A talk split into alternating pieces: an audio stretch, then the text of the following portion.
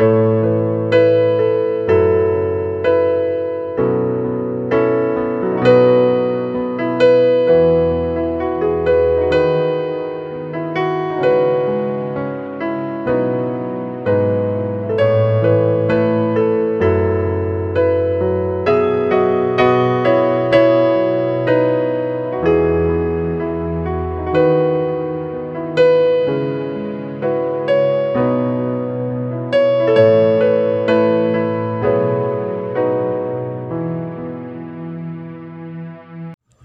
Shalom rekan-rekan pemuda yang dikasihi Tuhan, apa kabar? Saya berharap di mana pun kalian berada, kalian selalu berbahagia ya. Bertemu lagi dalam sate urat saat teduh pemuda Batra Hayat tanggal 6 Desember 2021. Sebelum itu, mari kita bersatu di dalam doa. Bapak kami yang baik, terima kasih buat hari ini. Bapak masih memberikan kami kesempatan untuk mendengarkan kebenaran firman-Mu sekali lagi. Kiranya Bapa mau menyertai pikiran kami agar boleh fokus mendengarkan, menghayati, dan memahami kebenaran firman-Mu. Di dalam nama anakmu Yesus Kristus, kami sudah berdoa dan mengucap syukur. Amin. Rekan-rekan, pembacaan kita hari ini terambil dalam Yesaya 40 ayatnya ke-16 sampai ke-20. Beginilah bunyinya.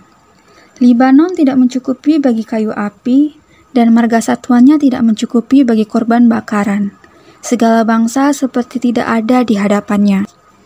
Mereka dianggapnya hampa dan sia-sia saja. Jadi, dengan siapa hendak kamu samakan Allah? Dan apa yang dapat kamu anggap serupa dengan dia? Patungkah?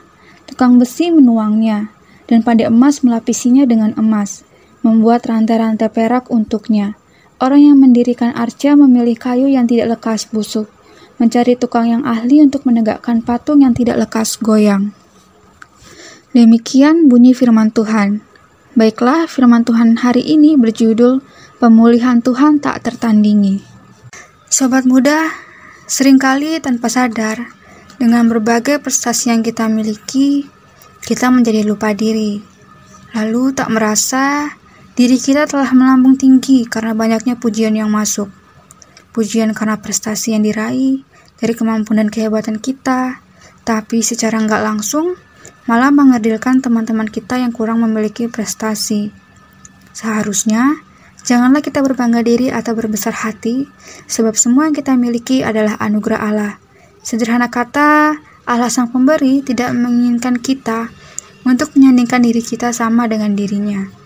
Sebagaimana bacaan hari ini, bahwa menjelang akhir penawanan mereka di Babel, Allah telah memberikan pengharapan dan penghiburan bagi umatnya. Namun, tampaknya tidak banyak harapan dalam penantian mereka, malah banyak yang berpaling mencari jalan keluar lain, yakni dengan cara menandingkan eksistensi Allah dengan berbagai berhala untuk mencari keselamatan di luar Tuhan. Di ayatnya yang ke-16, mereka merasa kalau berhala dapat memberikan pertolongan, tapi justru yang didapat adalah kesia-siaan belaka.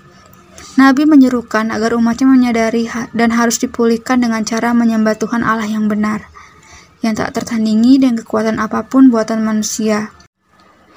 Menapaki masa Advent kedua, baiklah kita perlu bertanya kepada diri kita, seberapa kuat hubungan kita dengan Tuhan? Apakah dalam gumul juang menghadapi COVID-19 ini, kita selalu memiliki keyakinan atau iman yang kokoh di dalam Tuhan Allah? Ataukah malah mencari kekuatan-kekuatan lain di luar Tuhan? Jikalau seperti itu, maka kita perlu merefleksikan hidup yang adalah anugerahnya. Seyogyanya Allah di atas semua Allah yang memberi kekuatan bagi kita. Jangan andalkan atribut-atribut diri kita yang merasa diri lebih dari orang lain. Tetaplah berpengharapan pada Tuhan yang setia dan sanggup menolong kita.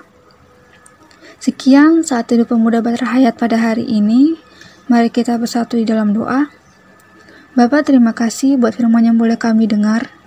Berikan kami keberanian dan komitmen untuk melakukannya. Ampuni kami Bapak jika selama ini kami masih sering menyimpang dari rencanamu. Ubahkan kami menjadi pribadi yang lebih baik Bapak, agar kami layak disebut sebagai anakmu. Dalam nama anak Yesus Kristus, kami sudah berdoa. Amin.